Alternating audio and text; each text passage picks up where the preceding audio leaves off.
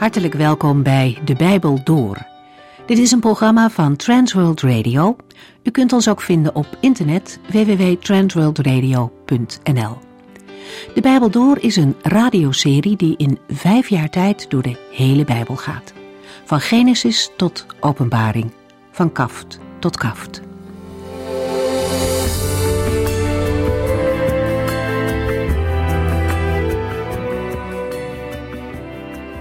Vandaag kunt u met ons meedenken over het Bijbelboek Jona. Een profeet die toch wel een heel speciale plaats onder de profeten inneemt. Hij wordt naar het buitenland gestuurd, naar de Assyriërs nog wel. Dit rijk is machtig, maar ook bijzonder vreed. Het vormde een bedreiging voor de veiligheid van Israël. Met die gedachte in ons achterhoofd is het ergens wel begrijpelijk dat Jona daar liever niet naartoe ging om te prediken. Het was nogal een gevaarlijke missie. En zou het bovendien niet beter zijn als Nineveh gewoon maar verwoest werd? Jona geeft later in het boek aan dat hij wel wist dat de Heer genadig en vergevend is wanneer mensen tot inkeer komen. Het is alleen de vraag of hij op die bekering van de vijand zat te wachten. Daarmee moeten we niet denken dat Jona alleen maar een ongehoorzame profeet is. Deze opdracht was niet wat hij graag wilde, dat is duidelijk. En hij probeert er onderuit te komen. Toch is hij wel de profeet van de Heere. En God komt dan ook tot zijn doel met Jona. God geeft niet zomaar op. We zagen de vorige keer ook dat Jona in zijn eigen land namens de Heere sprak. In 2 Koningen 14 lezen we dat Jerobeam, de tweede, een stuk land bevrijdt, overeenkomstig het woord van de Heere, de God van Israël, dat hij gesproken heeft door de dienst van zijn dienaar Jona, de profeet uit Gad Hagever. Deze boodschap was een stuk aangenamer om te brengen dan de oordeelsprofetie voor Nineveh. Het was goed nieuws. En bovendien kon Jona dit onder zijn eigen mensen preken. Jona is trouw in deze opdracht geweest en komt dan voor een veel grotere uitdaging te staan. Hij wordt geroepen om naar Nineveh te gaan. Daarover lezen we in Jona 1 en we beginnen ook bij het eerste vers.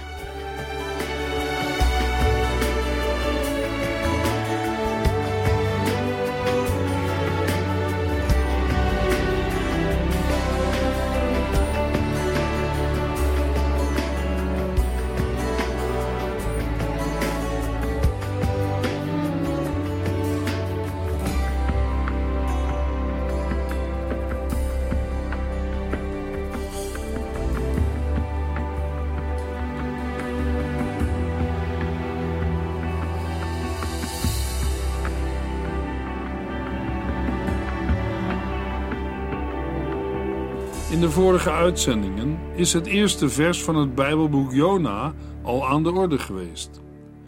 Jona 1 vers 1 begint met de woorden: De Heere zei tegen Jona, de zoon van Amittai. De naam Jona betekent duif. Zijn vader heet Amittai. Dat betekent de Heere is waarachtig. Hij is afkomstig uit Gad HaShefer een dorpje in het stamgebied van Zebulon, even ten noorden van Nazareth.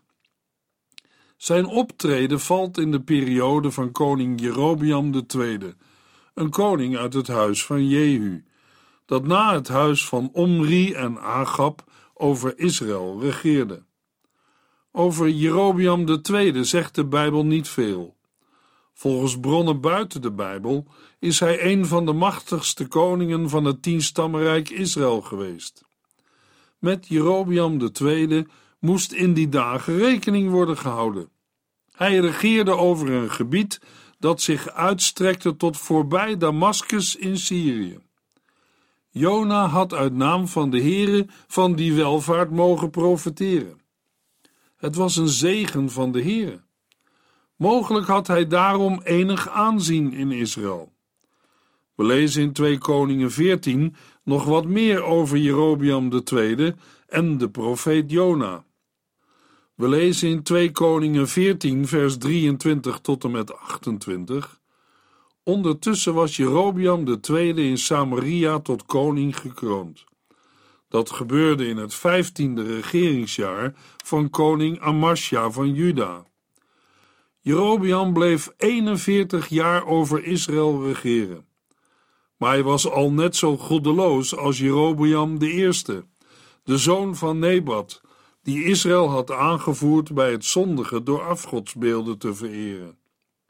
De tweede heroverde het gebied van Israël tussen Hamat en de Dode Zee, precies zoals de Heere had voorzegd door de profeet Jona uit Gad Hasjefer, de zoon van Amittai. Want de Heere had de bittere ellende van Israël gezien. Er was niemand die haar kon helpen. En omdat hij niet had gezegd dat hij Israël ten onder zou laten gaan, gebruikte hij koning Jerobiam II om het land te bevrijden. De rest van Jerobiams levensbeschrijving, alles wat hij deed, zijn grote macht, zijn oorlogen en hoe hij voor Israël Damascus en Hamat heroverde, die door Juda waren ingenomen, staat opgetekend in de kronieken van de koningen van Israël. Jona 1 vers 1 en 2 De Heere zei tegen Jona, de zoon van Amittai, ga naar de grote stad Nineveh en geef haar inwoners namens mij de volgende boodschap. De Heere zegt, ik waarschuw u, want ik kan uw slechtheid niet langer verdragen. Bij de inleiding op het Bijbelboek Jona hebben we stilgestaan bij Gods barmhartigheid en medelijden met mensen. Maar als we vers 2 lezen, dan kan ik best begrijpen dat u op het eerste gehoor, in de opdracht die Jona van de Heer ontvangt, niets kunt ontdekken van die barmhartigheid en het medelijden van de Heer. In dit verband lezen we in Jacobus 2, vers 13 met betrekking tot Gods medelijden en barmhartigheid. Als u geen medelijden met anderen hebt gehad, zal God ook geen medelijden met u hebben. Maar als u wel medelijden met anderen hebt gehad, zal Gods medelijden het winnen van zijn oordeel. Maar dat Gods medelijden of barmhartigheid het wint van zijn oordeel, is in vers 2 nog niet direct duidelijk. In Jona 1 vers 2 horen we alleen maar de donkere oordeelsdreiging. De Heere zegt, ik waarschuw u, want ik kan uw slechtheid niet langer verdragen. In die woorden kunnen we alleen maar lezen dat er zwaar weeropkomst is voor Nineveh. De grote stad die zich veilig waant achter dikke muren en in hoogmoed zegt, we lezen het in Savanja 2 vers 15, ik ben de allergrootste stad ter wereld. De Heere geeft Jona de opdracht om tegen haar te prediken. Jona moet de inwoners namens de Heere waarschuwen. Juist die waarschuwing is mogelijk een teken van Gods medelijden en barmhartigheid. Al klinkt er direct bij: Ik kan uw slechtheid niet langer verdragen. Als het met de mens al zover is dat de Heere zoiets moet zeggen, dan is dat een huiveringwekkende gedachte. Om een ander voorbeeld te noemen, in Openbaring 2, vers 4 lezen wij dat de Heere iets tegen de gemeente van Efeze heeft. Dat blijkt ontzaglijke consequenties te hebben. Want als er op dat punt geen verandering, geen bekering komt, zal de Heere de kandelaar van zijn plaats wegnemen. Hun kandelaar is een beeld van de gemeente zelf. Als de kandelaar wordt weggenomen, betekent dit dat de gemeente zal ophouden te bestaan. Dan zal de nacht van de ondergang vallen over de gemeente van Christus in Efeze. Als mensen de Here tegen zich hebben, wie zal er dan nog voor hen zijn? Zo liggen de verhoudingen inderdaad voor Nineveh, de hoofdstad van het Assyrische koninkrijk. De Heere vertelt ook aan Jona waarom hij tegen Nineveh is. Ik kan uw slechtheid niet langer verdragen. Of, zoals we in een andere vertaling lezen, hun boosheid is opgeklommen voor mijn aangezicht. Het zijn woorden die we ook lezen in Genesis 18 over Sodom en Gomorra. We lezen in Genesis 18, vers 20 en 21 dat de Heere tegen Abraham zegt: Ik heb gehoord dat de inwoners van Sodom en Gomorra erg slecht zijn en zwaar zondigen. Ik ga er nu heen om te zien of dat inderdaad zo is of niet. Ik zal het te weten komen. In Nineveh is net zoiets aan de hand als destijds met Sodom en Gomorra het geval was. De boosheid van de inwoners is zo groot, de maat van de slechtheid is vol. De Heere kan het niet langer verdragen. De Heere zegt: Zo kan het niet blijven. Het kwaad roept om straf. Als wij de woorden van de Heere, gesproken tot de profeet Jona, op ons laten inwerken, dan ontdekken wij niets van zijn medelijden of barmhartigheid. Maar bij Jona ligt dat anders. Als ergens blijkt dat de profeet Jona de Heere kent en weet wat zijn God bedoelt, dan is het wel op dit moment. Jona weet heel goed wat er achter de opdracht van de Heere schuil gaat. De profeet weet heel zeker dat de Heere geen opdracht geeft om het oordeel te prediken, omdat hij de bewoners van Nineveh wil vernietigen. Integendeel, de Heere geeft die opdracht omdat hij graag wil dat zij veranderen en gered zullen worden. Dat lezen we vaker in de Bijbel, bijvoorbeeld in 2 Petrus 3 vers 9, waar Petrus schrijft: Sommigen denken dat hij treuzelt, maar dat is niet zo. Hij wacht alleen met het vervullen van zijn belofte, omdat hij zoveel geduld heeft. Hij wil niet dat er iemand verloren gaat, maar dat alle mensen tot bekering komen. Zelfs in een laatste oordeelsaankondiging, zoals Jona die aan moet gaan brengen, klinkt de bewogenheid van de Here door. Dat kan het oordeel verzwaren, want een gewaarschuwd mens telt voor twee.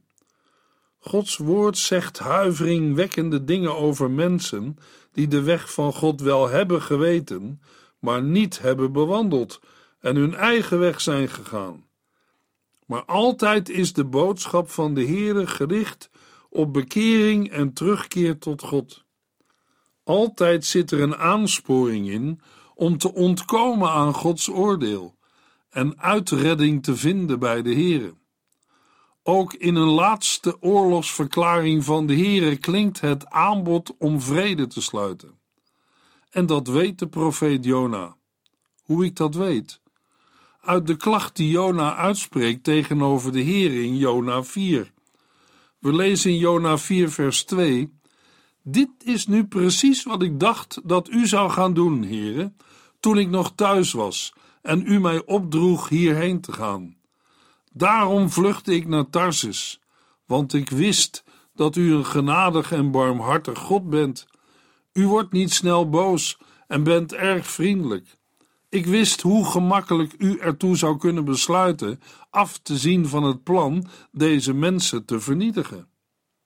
Jona herkent in de opdracht die hij krijgt onmiddellijk zijn opdrachtgever, de Heere die hem deze opdracht geeft. Jona had vanaf het begin al door wat Gods bedoeling was. Jona kent de Heere als een God die langzaam is tot toorn en overvloedig in barmhartigheid. En Jona begrijpt het gelijk. Gods barmhartigheid zit achter de opdracht die hij van de Heere krijgt. Daarom moet hij die grote wereldstad Nineveh gaan vertellen dat zij zich moeten bekeren. Luisteraars, hebben wij dat al begrepen? Dat achter de grote opdracht van de Heer Jezus in Matthäus 28 en Handelingen 1 om uit te gaan en het evangelie te verkondigen aan alle volken, de liefde en genade van God schuil gaat voor verloren mensen? Weet u wie dat ook goed heeft begrepen? De apostel Paulus. De man die van zichzelf zegt in 1 Timotheus 1, vers 13: Ik heb vroeger zelfs de naam van Christus bespot. Ik heb zijn gemeente vervolgd en deze kwaad gedaan, zoveel ik kon. Maar God heeft zich over mij ontfermd, omdat ik niet wist wat ik deed. Ik kende Christus toen nog niet. Ook in 1 Corinthians 15 bevestigt Paulus deze woorden. We lezen in 1 Corinthians 15, vers 8 tot en met 11. En als allerlaatste heb ik hem, Christus, ook gezien. Ik, een onwaardige. Ik ben de minste van alle apostelen en zou niet eens apostel mogen worden genoemd, omdat ik de gemeente van God vervolgd heb. Maar wat ik ben, ben ik omdat God zo goed voor mij is geweest.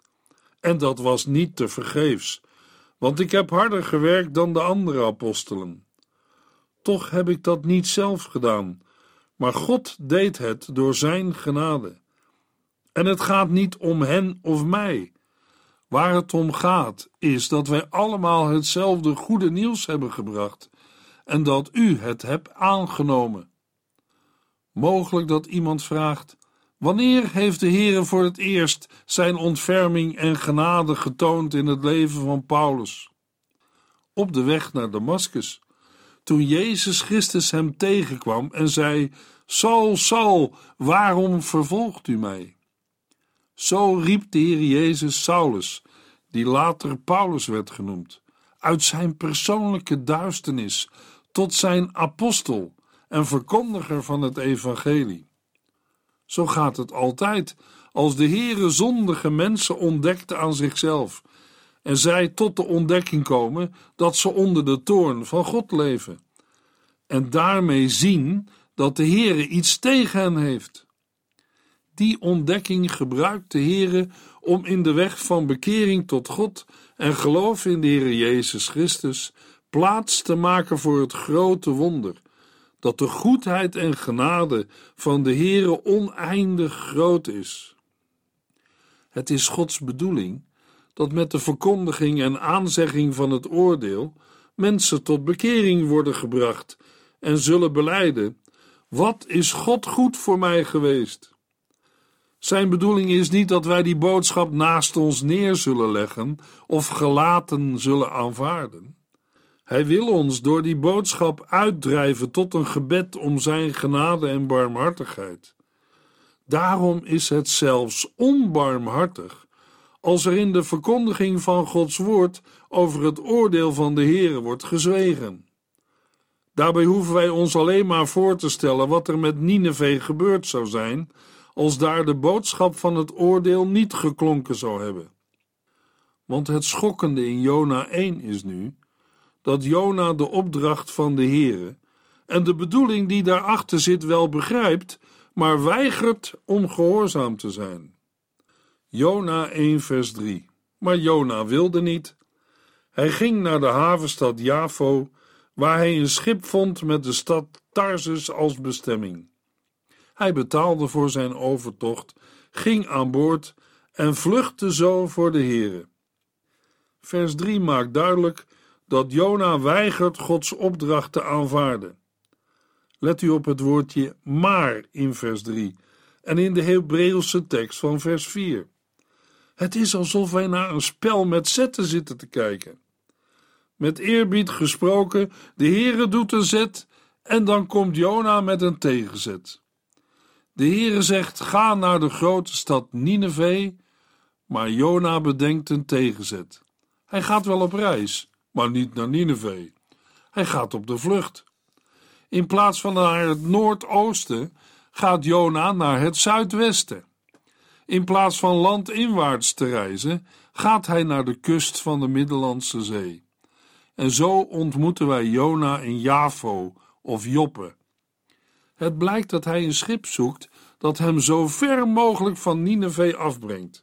Hij wil naar Tarsus, een plaats die wij zullen moeten zoeken in het zuiden van Spanje. Dat wil zeggen in westelijke richting aan het einde van de toenmaals bekende wereld. En de beste manier om daar te komen is met een schip. We lezen over Jona. Hij ging naar de havenstad Javo, waar hij een schip vond met de stad Tarsus als bestemming. Jona treft het. Aan de kade van Javo ligt een schip klaar voor vertrek naar zijn verre bestemming. Jona betaalt voor de overtocht. Dat zal geen kleinigheid zijn geweest, als wij bedenken dat zo'n reis wel een half jaar kon duren en Jona ook al de tijd aan boord te eten moest hebben. Maar voor Jona geldt maar één ding: weg van Nineveh. Hij heeft betaald, brengt zijn bagage aan boord, zoekt een plek in het scheepsruim en is blij als ze vertrekken. Bevelen klinken over het dek, trossen worden losgemaakt, het schip naar Tarsus komt los van de kade, de zeilen worden gehesen en het duurt niet lang dan verraden de bewegingen dat het schip buiten gaats is en koers zet naar het westen. Jona's vluchtpoging lijkt gelukt te zijn. Maar wat beweegt Jona om dit te doen? U begrijpt dat over die vraag veel is nagedacht. Er worden ook verschillende antwoorden op gegeven. Sommigen menen dat Jona bang is geweest om naar Nineveh te gaan. Op zichzelf zou dat best mogelijk zijn. De Heere gebruikt zelf de woorden de grote stad Nineveh. Een grote stad heeft ook vandaag voor veel mensen al iets bedreigends. En als we ons realiseren wat Jona als Joodse man uit Gad Hashever in zijn eentje in de grote Assyrische hoofdstad Nineveh moet gaan doen, kunnen wij ons wel voorstellen dat Jona daarvoor terugschrikt. Daarbij komt nog dat Jona geen leuke boodschap heeft die hij moet doorgeven. Wat staat hem allemaal te wachten als hij de inwoners van Nineveh Gods oordeel aanzegt? Zullen ze hem bespotten? Zullen beledigingen en scheldpartijen zijn deel zijn? Zullen hem met geweld de stad uitgooien en mogelijk zelfs doden? Het is allemaal voor te stellen. Maar er zijn geen aanwijzingen voor. Er is niets dat erop wijst dat angst de raadgever van Jona is geweest. Wij krijgen eerder de indruk dat Jona niet bang was uitgevallen. Is Jona dan voor God op de vlucht geslagen? Tja, dat denken de meeste gelovigen wel. Maar met anderen denk ik van niet.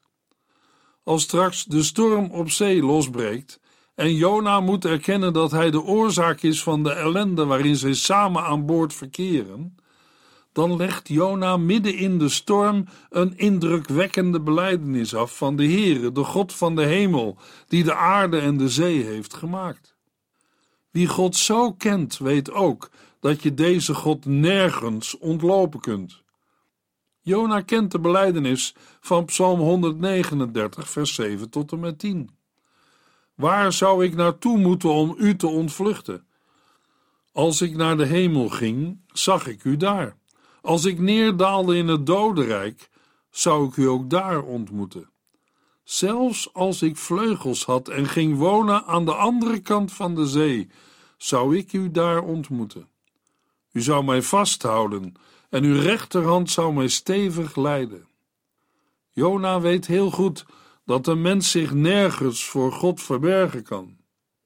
Maar wat is dan voor Jona wel het motief geweest om zo te reageren? Het hangt samen met de woorden die we tweemaal in de Hebreeuwse tekst van vers 3 lezen, namelijk: Jona vlucht weg van het aangezicht van de Heere. Die woorden zijn een Bijbelse uitdrukking. Wie voor het aangezicht van God staat, stelt zich ten dienste van God.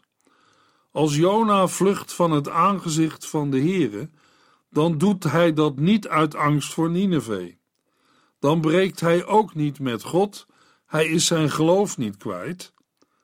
In vers 9 en 10 beleidt hij, midden in de storm, tegenover de bemanning: Ik ben een Hebreeër en ik geloof in de eeuwige, de God van de hemel, die de hemel, de aarde en de zee heeft gemaakt. Jona spreekt in de tegenwoordige tijd.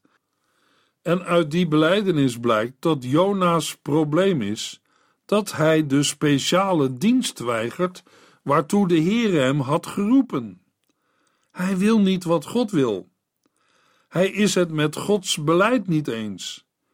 En om te voorkomen dat hij de opdracht toch moet uitvoeren, loopt hij weg, zo ver mogelijk. Misschien met de gedachte terug te komen als de Heere mogelijk zelf met Nineveh heeft afgerekend.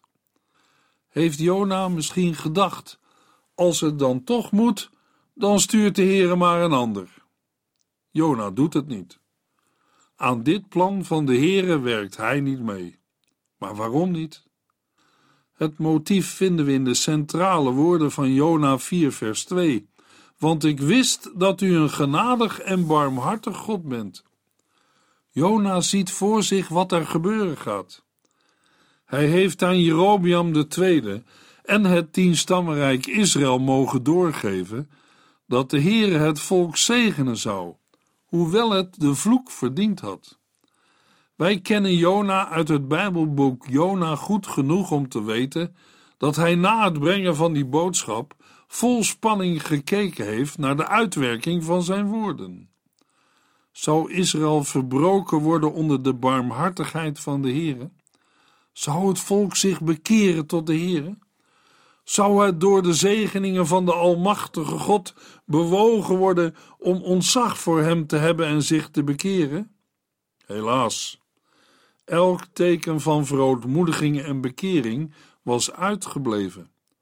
Hosea moet straks zeggen in Hosea 2, vers 7: Zij, het tienstammenrijk Israël, beseft echter niet dat al wat zij bezit van mij kwam. Maar wat zij van de Heere ontvangen, gebruiken zij als offer voor de afgoden. Jona kan de gevolgen uitrekenen. Immers de Heer is een jaloers God en geeft zijn eer aan niemand anders. Straks ontbrandt zijn boosheid en breken zijn oordelen los over ongehoorzame kinderen. Daar kun je op wachten. Dat weet Jona. Zo is God ook. Jona is als profeet een man geweest die besefte in welke tijd hij leefde. Hij zag steeds duidelijker van welke kant de oordelen van God zouden komen. Assyrië werd steeds machtiger en de legers kwamen steeds dichter bij Israël. Is het dan vreemd dat Jona blij was toen de Heere zei dat hij de slechtheid van de Assyriërs niet langer kan verdragen? Als de Heere met hen in het gericht gaat, kunnen zij Israël in ieder geval niet onder de voet lopen. En toen was die opdracht gekomen. En Jona zag het al voor zich.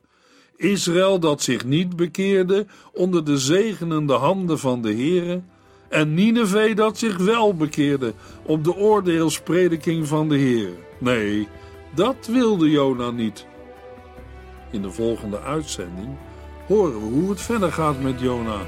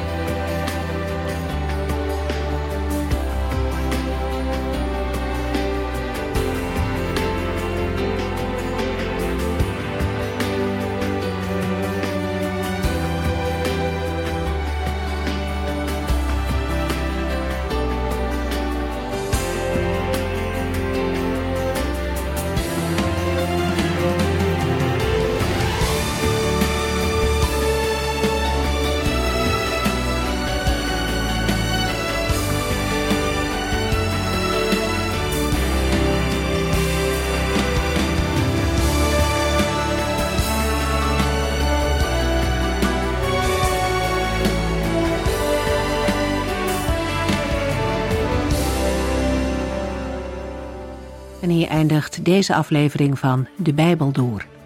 Een serie programma's van Transworld Radio. Wilt u ons iets vragen of meer weten? Dan kunt u altijd contact met ons opnemen. Bellen kan overdag met 0342 478432. Per post Transworld Radio. Postbus 371. Postcode 3770. Anton Johannes in Barneveld. En e-mailen kan ook. De Bijbel door at transworldradio.nl En natuurlijk ook via onze website transworldradio.nl Dit programma werd gepresenteerd door Cor Weda en Ike André. En namens iedereen die er nog meer aan meegewerkt heeft, graag tot de volgende keer.